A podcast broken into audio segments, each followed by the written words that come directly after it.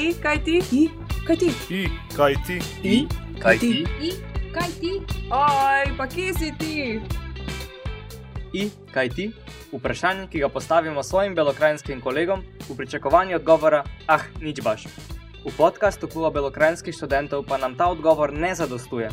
Pogovarjali se bomo z zanimivimi belokrajinci, ki imajo kaj pametnega zapovedati. Ura je 2 deci špricer in začenjamo s prvim belokrajinskim podkastom.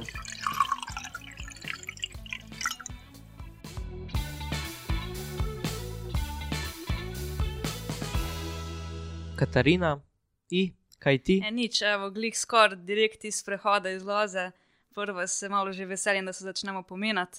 Si si malo najprej izbistrila misli, preden si prišla sem, Tako, tako se to vsak dan delam, ne sem, ne sem zaradi tega danes. Da boš lažje kaj povedala. Evo, danes je z nami Katarina Springer, ki je glih kar uh, magistrirala na temo Govor Črnomlja. Tako da, Katarina, iskrene čestitke za magistrsko in pa seveda čestitke tudi za temo. Um, pa bi te vprašal, zakaj si si izbrala za, svojo, za temo magistrske ravno Govor Črnomlja? Najlepša hvala najprej za čestitke. Um, govor črnomlja zaradi tega, ker je moj domač govor, moj narečni govor, uh -huh. čutim neko posebno navezanost na govor, na samo okolje, belo krajino, Da. na splošno. Tudi na faksu sem imela dosta um, izbirnih predmetov na temo, na, na temo narečja, dialektologije in podobno. In to me je takoj navdušilo in sem rekla, zakaj ne bi ja to povezala nekaj, kar mi je veselje in nekaj, kar sem se naučila na faksu, um, da pogledamo, kaj se da tukaj odkriti. In sicer m, konkretno me je zanimalo, kako se naše narečje spreminja v času Da. kakšne so razlike med narečnim govorom starejših, pa med recimo mojim, tudi tvojim narečnim govorom.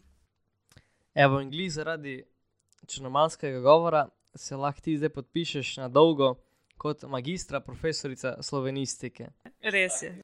Uh, pa se mi zdi tako ful dobra priložnost, da izkoristiš uh, govor, ki ga uporabljaš vsak dan, da pol iz tega tudi uh, magistriraš. En, da, super je to, super občutek. Verjamem. Um, evo, si že malo začela opisovati eh, vsebino svoje magistrske, pa bi mogoče še enkrat povedala, um, kaj vse si ti uh, zajela v tej nalogi. No, moj magistrski sem, evo, še enkrat ponovim, sem se ukvarjala z govorom črnomlja. Um, in sicer natančneje sem primerjala govore različno starih govorcev med, sa, med sabo. Um, tri starostne skupine sem si dala, najmlajša tam do 30 let, pol je bila druga od 30 do 60 let, in pa pol najstarejša nad 60 let, so bili stari Da. ti govorci. Uh, pa osredotočila sem se pri svoji analizi na uh, fonetično, glasoslovno podobo govorov, tako da ni niso me zanimale neke specifične besede ali pa, um, ali pa kakšne druge ravnine jezika, naprimer skladnja, morfologija. Uh, v glavnem, zanimala me je ta slušna podoba, ki jo že nekako tudi vsi prvo čujemo. Ne? Vsi prvo čujemo, Uh -huh. um, kako nekdo izgovarja določene glasove in podobno. In pač me je zanimalo, na, na kakšen način se tukaj prihaja do sprememb pri uh, govorcih črnomalskega govora. Uh, in kaj bi recimo rekla, da bo taka najbolj, najbolj opazna sprememba? Eh, najbolj opazna sprememba je opustitev dvoglasnikov pri mlajših govorcih. Naprimer, um, recimo, evo, starejši govorci še zmeraj, so, še zmeraj govorijo, recimo ta snake, ta ej na, na mestu za knjižni e, to je iz nekdanjega praslovanskega eh, glasu jata, um, ali pa recimo mlejko. Um, to, to mi mladi več ne govorimo. Ne? Da.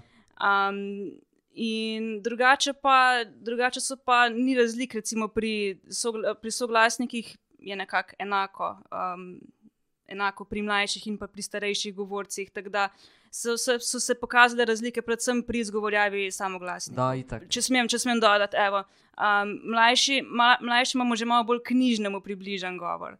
Uh, Medtem ko starejši so tukaj bolj narečni, ne, pri samoglasnikih. Pri soglasnikih smo pa oboji še skozi ustrajamo pri tem uh, narečnih posebnostih, naprimer naš trdi L značilen, ne, pa tisti F, pred, uh, V kot F pred določenimi, določenih položajih. Uh, si mogoče odkrila kako tako presenetljivo zadevo? Zdaj nekih presenečenj nisem, sem si že kar na začetku uh, dosta take hipoteze zadala, recimo, ki so se pol potrdile.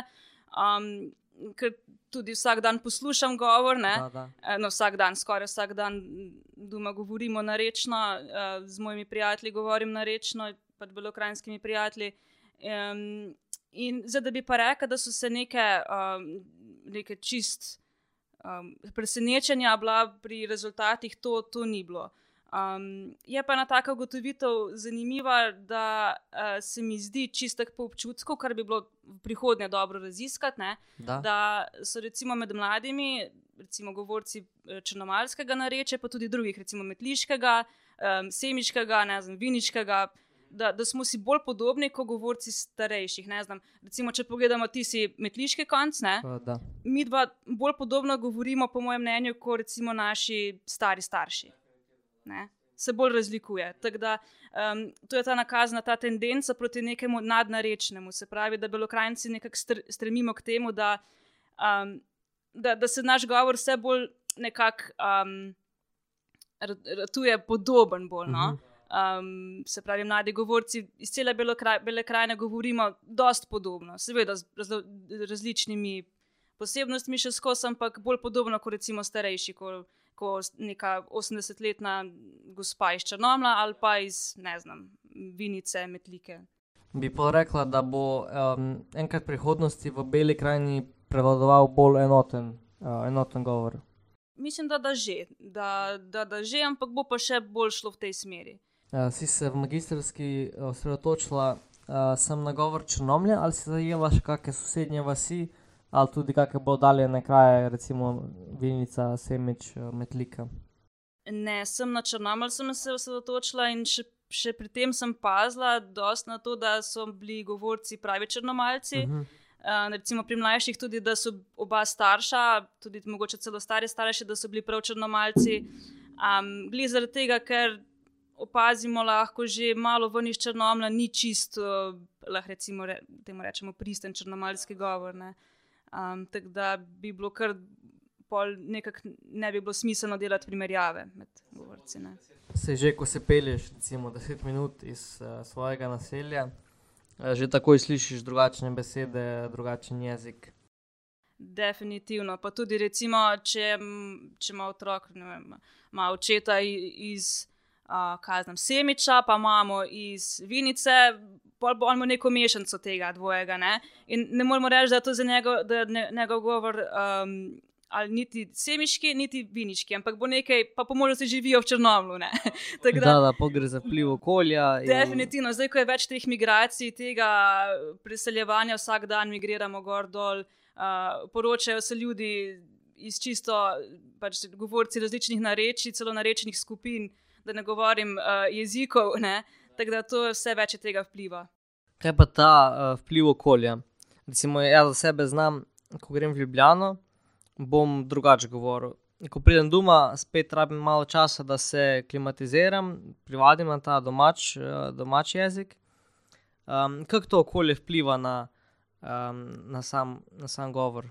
Uh, to definitivno vpliva, ko si samo gotovo, ni težko to ugotoviti. Uh, zdaj je ena dobra doktorska dizertacija. Um, naše, moje kolegice, no, oziroma zaposlene tudi pri nas na filozofski fakulteti, uh, doktorica Maja Bitenc, uh, ki je pa raziskovala glih to, kar si ti rekel, govorno prilagajanje. Ne, uh, ne znam točno za naslova te doktorske dizertacije. Um, Okvarja, uh, prihaja pa tam iz idrijskega konca, tako da se je osredotočila na uh, prilagajanje teh uh, idri, idričanov, v, um, ki recimo hodijo v šolo ali pa na delo v Ljubljana. Da? In je ugotovila, da obstaja več različnih profilov govorcev. Ne? So taki, ki se čist spremenijo, čist ta narečni uh, govor prilagodijo ali pa celo rečemo temu um, zanemarijo ne? v Ljubljani in smo čist polublansk.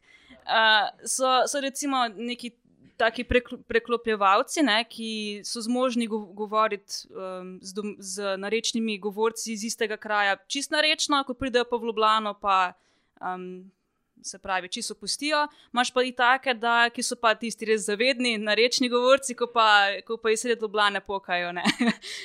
Zdaj, ko si opisala te različne eh, type um, govorcev, Imam prav, eh, prav glavi se mi slike rišejo, um, ko bi kam postavil, recimo, kaki, recimo prekmurci iz mojih izkušenj.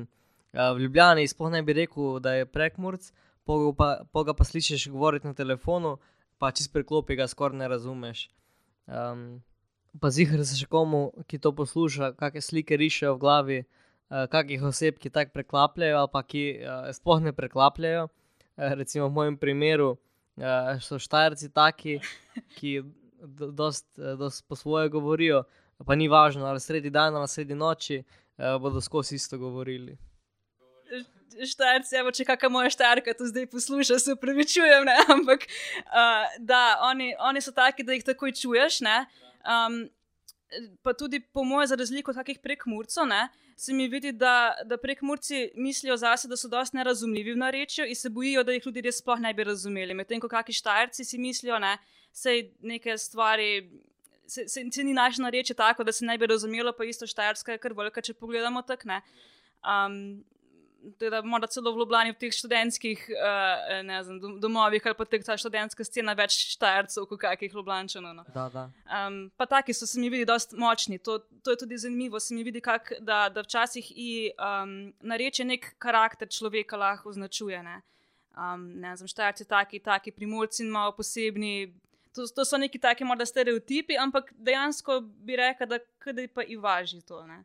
Da v bistvu preko govora ohranjaš to neko pripadnost um, svoji regiji, svojemu, uh, svojemu kraju in s tem govorom tudi izražaš neko lojalnost. Definitivno. Pa če se malo še vrnemo nazaj prek Murcem.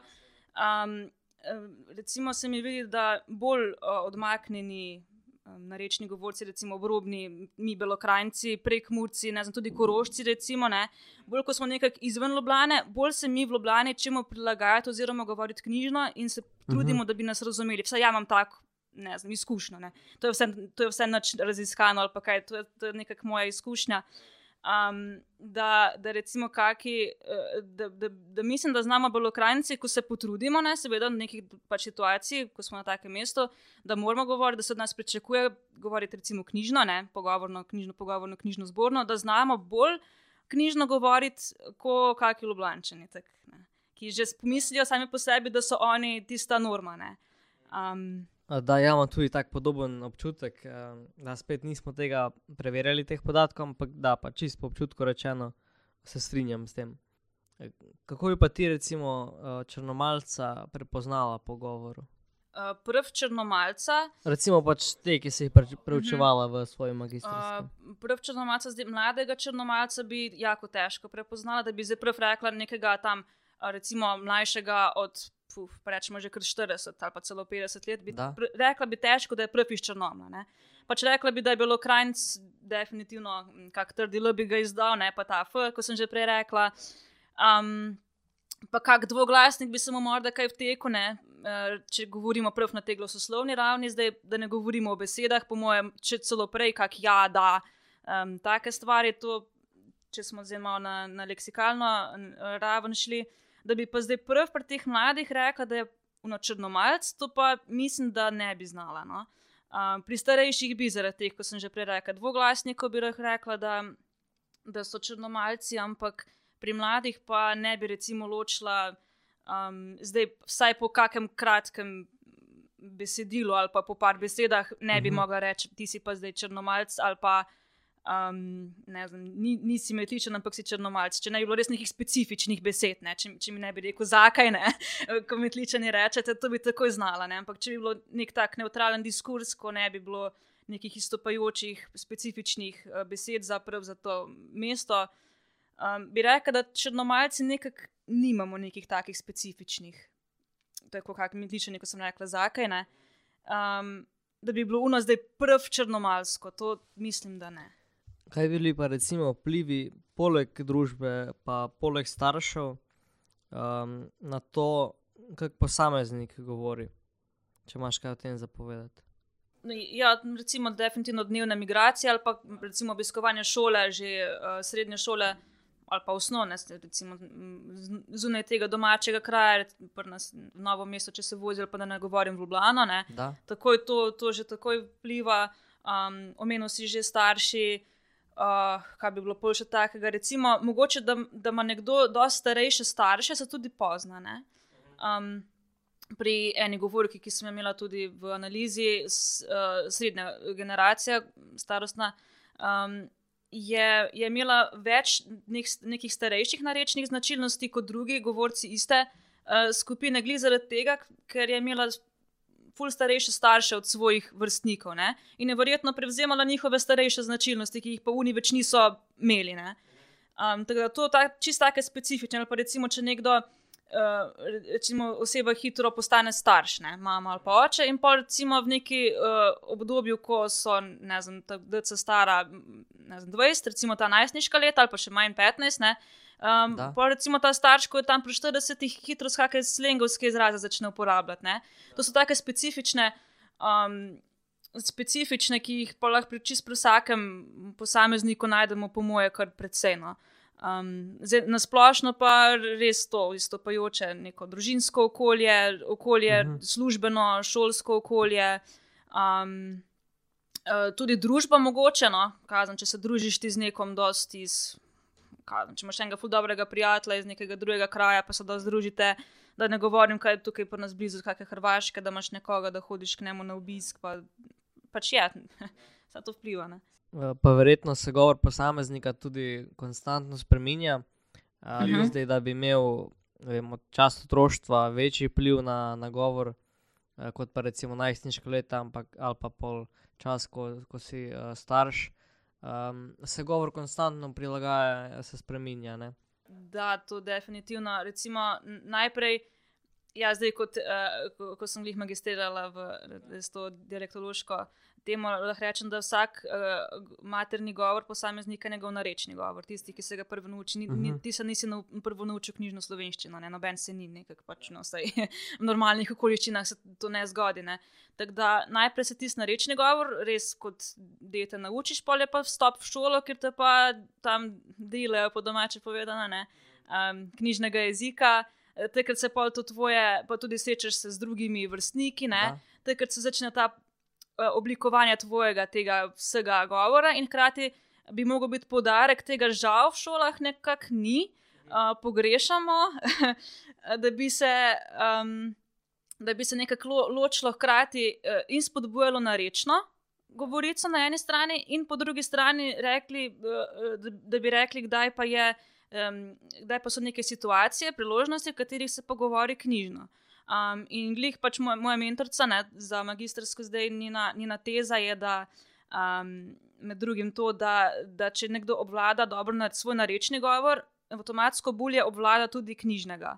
Če ti ne dobro obvladaš narečnega, če imaš neko mešanico vsega, se ti tudi pol hitro začne mešati s knjižnim, polata vse bolj skupaj neko pogovorno Mhm. in neka mešanica, tako da a, dobro znanje narečenega vpliva na knjižno. No, pa ko se povrnem, to je bil za taken.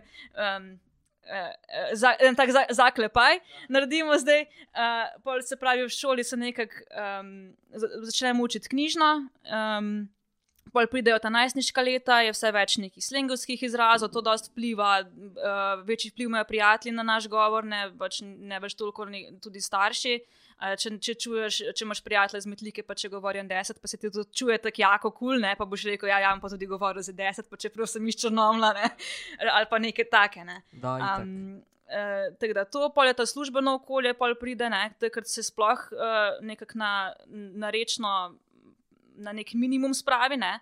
Um, je pa pol spet po izstopu iz službe, po vstopu v penzijo, ponavadi se pol še to poveča, še, um, ko spet lahko malo več si privoščiš tega narečnega, malo bolj se sprostiš. Um, Mora tudi neka nostalgija po teh mladih letih, po, po tem ne vem, narečju, ne, pride. Prej si že sama omenila rabo knjižnega jezika v osnovnih šolah, predvsem. Um, bi po tvojem mnenju mogli učitelji uporabljati uh, več knjižnega jezika, pa tudi bolj opozarjati učence, um, da se izražajo pravilno slovensko?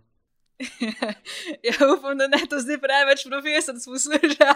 Da se ni panike, ti povej, se da, to je da, da, mnenje. se, se razumem. Uh, ne, ne.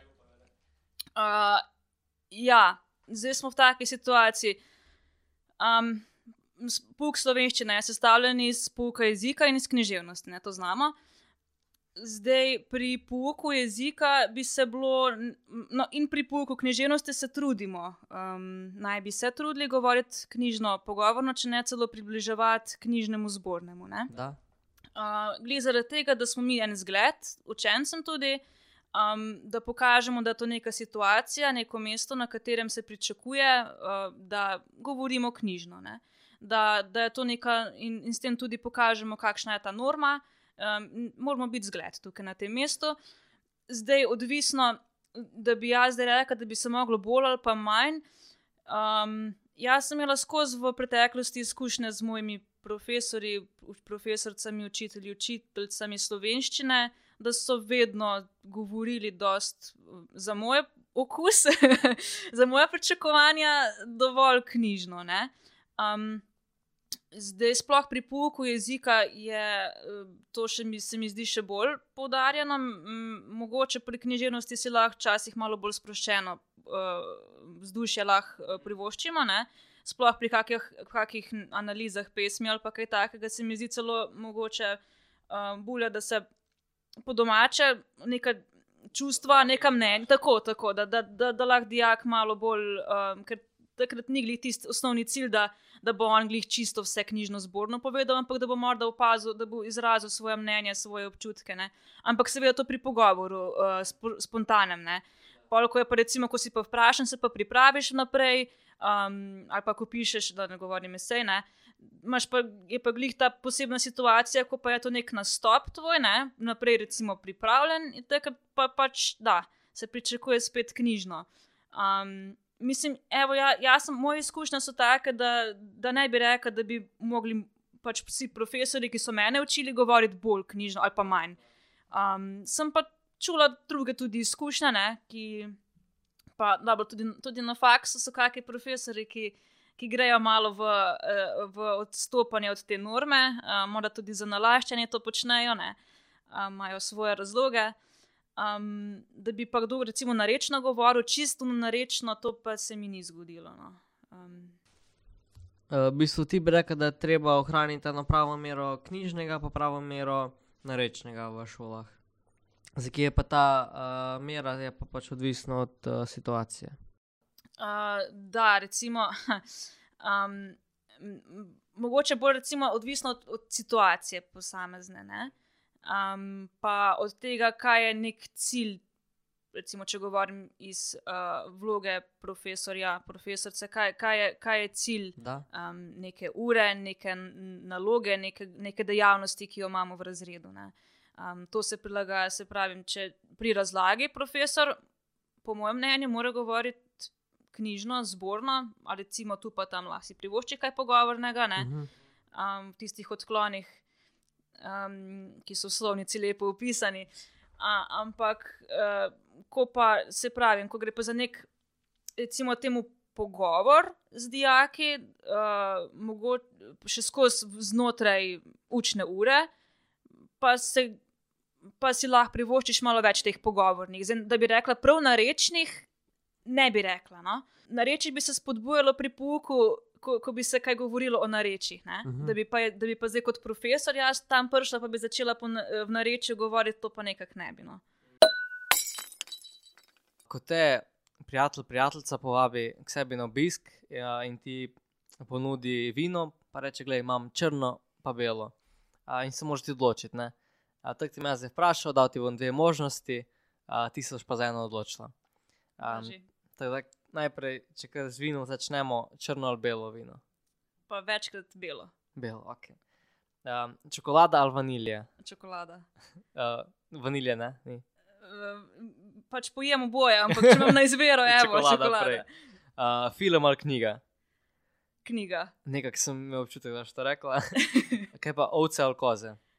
ovce, Kolpa ali morje? kopa, Um, kaj pa pes ali pa mačka? mačka, Um, Vigrati ali urevanje? igrevanje, obvezno. Ja, Črnomalka, ne, Ja, ne, mo- ne more reči vigrati. ne. Um, ja, pa še morda zdaj, uh, da se navežemo na ta um, narečni del, uh, pa ti na tri možnosti, ne samo dve.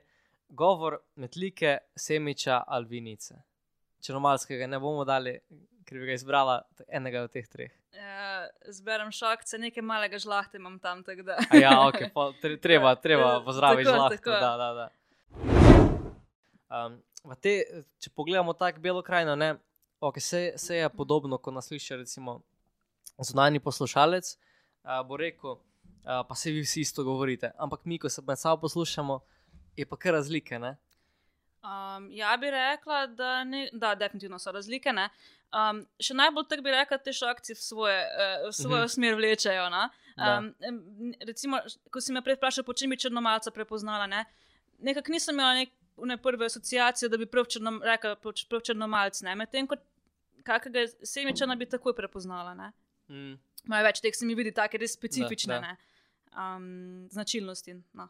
Ampak da, definitivno so, so razlike že med posameznimi vasmi, uh, da ne govorim v teh večjih krajih, ko si jih sam naštel. Da, seveda. Um, Zdaj, če se še navežemo na eno drugo temo, eno drugo tvojo dejavnost, uh. -huh. uh, še pred magistrsko, ti si urejala eh, Instagram stran Belokrajinski leksikon, da. um, ki ima v tem trenutku skoraj 500 objav.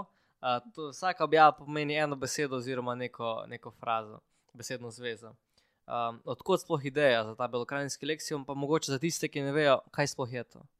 Uh, Belokrajinski leksikon to je en Instagram stran, Da? na kateri se, ko si sam rekel, uh, objavljajo, se pravi, ena objava je ena beseda ali pa fraza, besedna zveza, um, stavek, tudi mogoče tipičen za biolokrajno, govorimo Mhm. uh -huh. tukaj v širšem pomenu, ne, ne sem zdaj sem da črnomal, metliko, ampak nekako celotno biolokrajno naj bi pokrivalo. Ne. Um, Kako je nas prišlo do te ideje? Videla sem sorodne strani, recimo Štajerci so imeli, mislim, da celo prvi to eh, Štajerski Argo, če se Da. ne motim. Um, Včasih pogled malo, tako, da, vidim, malo mi je smešno, no pa grem pogledat. Da, pač to sem videla, da je bil to kar dosti velik odziv. Ne, Da. in, uh, pa sem rekla, zakaj ne bi to belokrajnci imeli.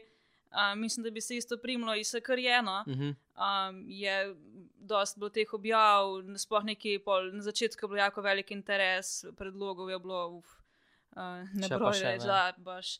Um, zdaj že kar nekaj časa sicer ta stran malo stagnira, no? Mm -hmm. moram se malo okregati. Nekako uh, nekak so se stvari začele ponavljati, nisem videla več nekega um, možnosti za neke nove ideje. Mm -hmm. Tako da malo sem prekinila zdaj s tem, tudi isto to magistrsko sem imela za dokončati. Da, No, se, ne da bi mi za to grozno časa vzelo, ali um, malo sem šla ven izven, teh, iz, izven te leksikalne ravni, ker to je pa Mhm. bolj na besedju, pač temelji Da, da. um, stran. tako Da, da.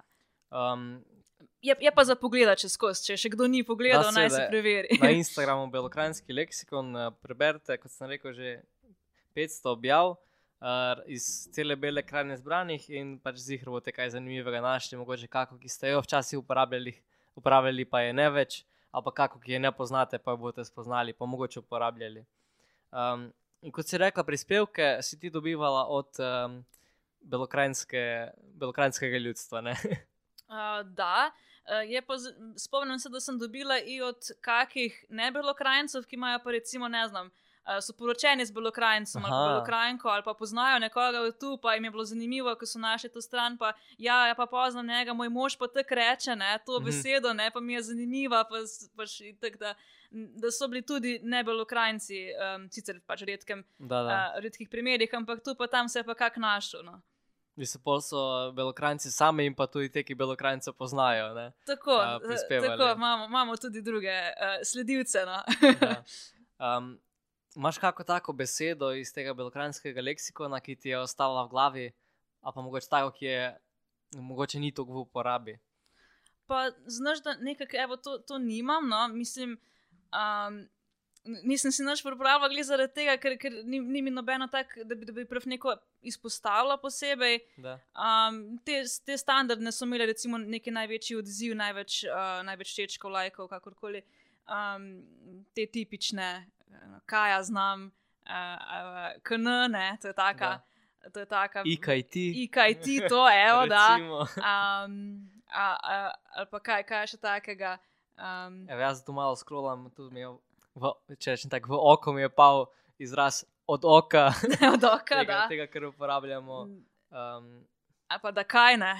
da. Da kaj. Ta, ta je bil doskrat v šoli, ko je, ko je bilo vprašano, uh, bi kdo pomagal, kdo bi to naredil, pa te pa profesorica določila, pa si rekel, zaglih ja. Ne? Um, Tako je, sej malo hodite po sklo, da boste zihar kako našli, ampak kot sem že rekel, skoraj 500 uh, različnih besed, besednih zvez um, iz vseh koncev bele krajine. Tako. Misliš, da bo belokrajinski leksikon v prihodnosti recimo, tudi pomagal ohraniti a, določene besede, ki um, mogoče več niso toliko v uporabi, pa bodo s časom izpadle iz, iz uporabe?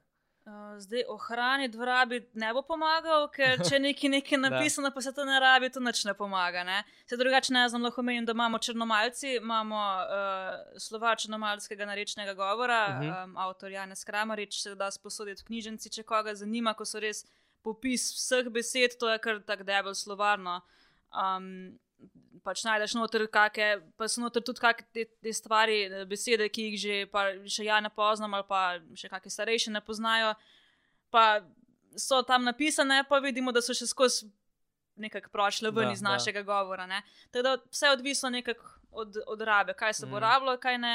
Um, je pa definitivno bo poslužilo za nek izpisek, za, za nekaj, da, bo, da bomo lahko videli, kaj se včasih je govorilo, pa, pa primerjali s tem, kaj se recimo čez 50 let, če se to še govori ali pa ne. Um, mogoče neka taka nostalgija na te, na te čase, za koga, za nas, morda čez toliko, toliko let, da se bomo nazaj vrnili na ta profil pogledati. Da, seveda. Em, Drugače pa samo zaradi tega leksikona, pa se neka beseda ne Mhm. bo pač ohranila v govoru, če ne bo noben uporabljal. No, Prej smo rekli, da se že govor posameznikov in tudi s tem narečje spreminja s časom. Mhm. ne.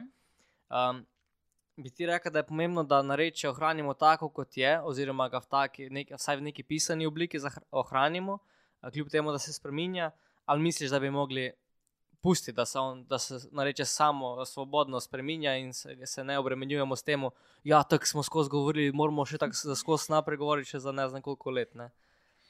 Um, da, uh, zdaj v pisani obliki narečja niti niso drugače tak, uh, prisotna. Mm Mhm. -hmm. Narečja se v glavnem so, da je to govorjen jezik, ne, govorjena zvrst jezika. Um, ja, mislim, da tudi če se grozno mi trudimo, da nekaj ohranjamo uh, tako, je, nam ne bo to ratalo, zato mislim, da brez, brez veze, da se v to smer uh, sili, da, da, da nekaj mora biti tako, kot je bilo. Sej, kaj pa je tisto pravo, kaj je bilo? Uh, kaj je to tisto, kar je bilo pred 50, pred 100 leti, ali je to, to kar je zdaj pravo, ne? mislim, mm -hmm. pravo, uh, tisto, kar bi se moglo ohranjati. Um, mislim, da je glih to čar jezika, narečnega ali pa tudi nenarečnega, same slovenščine na splošno in vseh jezikov, da, da, spre, da jezik teži k spremembam na vseh ravneh, Mm. vse, vse, v vseh zvrsteh.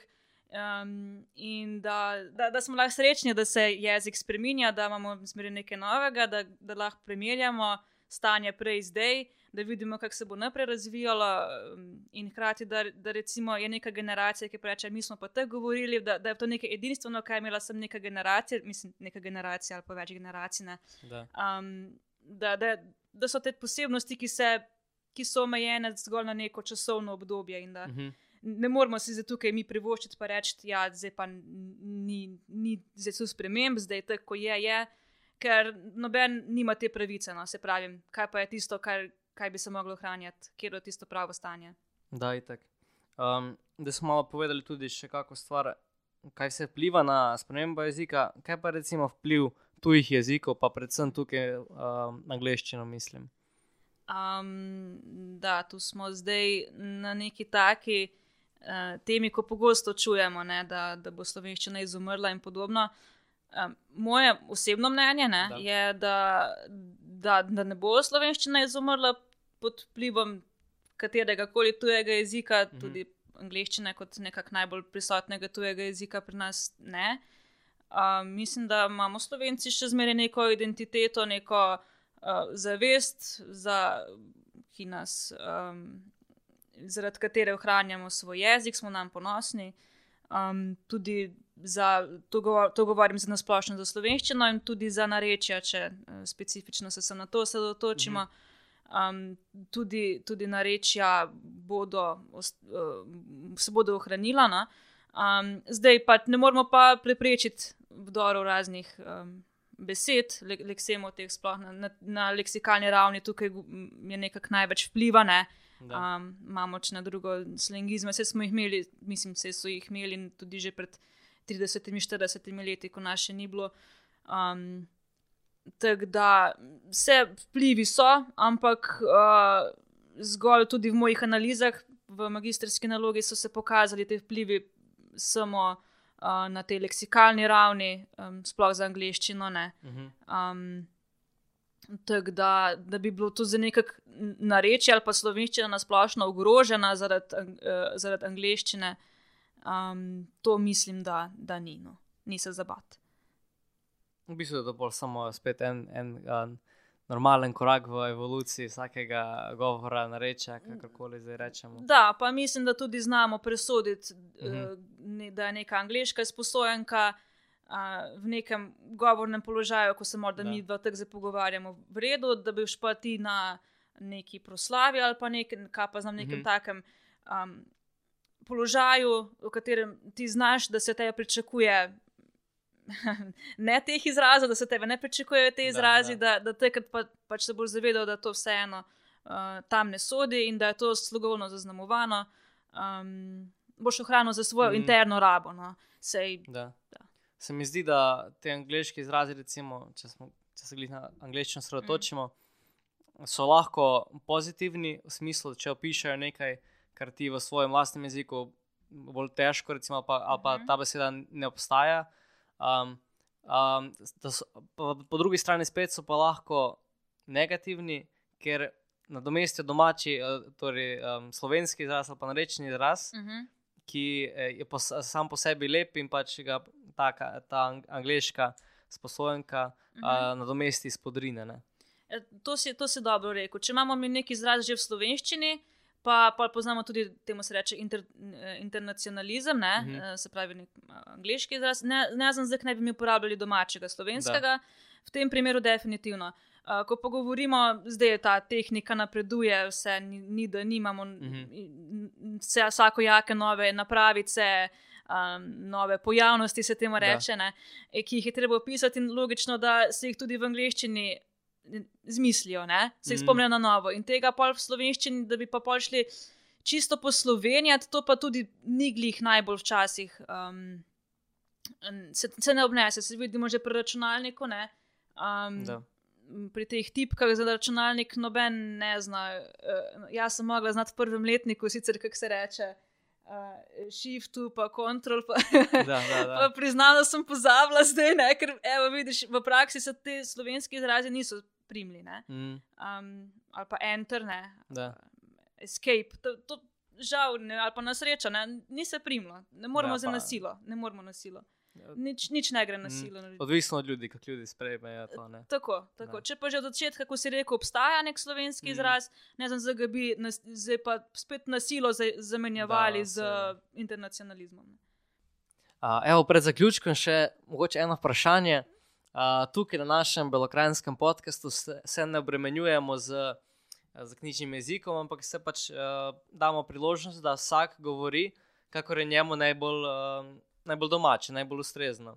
Uh, in kako si se ti, recimo, danes na to pripravila kot uh, magi, magistra, profesorica slovenistike, uh, zdaj na to, da boš ti nekje nastopala v eni pogovorni oddaji uh, v recimo domačem jeziku. Uh, da, do, dobro vprašanje. Um, Mar si kdo bo zdaj rekel, ja, da je na slovenistko pa ne zna po slovensko govoriti. Ne, ne um, pač moramo se tu zavedati, da imamo različne položaje, uh, situacije, govorne. In um, takoj, ko si me povabil, ne, sem znala, da gre to za neko tako sproščeno, recimo, temu podcast oddajo, Da, da. no, na, tak nastopno. Um, da, da, da tukaj se mi zdi, da bi bilo bolj zaznamovano, če bi, če bi jaz govorila zdaj povsem knjižno. Ne, Da, da, Um, se mi zdi, da bi bilo to vsem bolj smešno, kot pa da sem govorila tako spontano, ker pač vseeno gre tukaj mm -hmm. za, um, za nepripravljen govor, ne, z obeh strani v bistvu. Um, se pogovarjamo prosto in tukaj, sploh glede na to, kdo bo publika, da so to naši belokrajci, domačini, um, mladi, pa tudi malo manj mladi, mladi po srcu. da, da. Uh, mislim, da nam noben ne zameri uh, tega narečnega oziroma pogovornega. Uh, Mm. Da. izražanje. Pa tudi, če kdo eh, posluša izven Bele krajine, ker znam za par ljudi, da, da poslušajo, da, da slišijo malo, kako mi govorimo. Da- da čujejo. eh, med sabo, Da to, da, da čujejo. čujejo, kako mi govorimo med sabo, pa se mogoče še oni kaj naučijo, pa uvedajo v, v svoj govor. Tako, morda bo komu tako jako všeč, da bo začel kar po belokrajinsko. Da. Evo, Katarina, hvala lepa, da si, da si se odzvala na povabilo. Uh, hvala, da si prišla in se, in se z nami pogovarjala v svojem domačem črnomalskem uh, narečju. Tako da um, zdaj po zaključenem študiju iščeš uh, šiht, ne? tako da srečno s tem. Še enkrat hvala, Hvala, hvala lepa, hvala. da si prišla. Eh, Hvala za povabilo, bilo je fajn. Evo. Hvala, da si poslušal naš podcast, pa se čujemo še kaj naslednji mesec. Ajde, bog.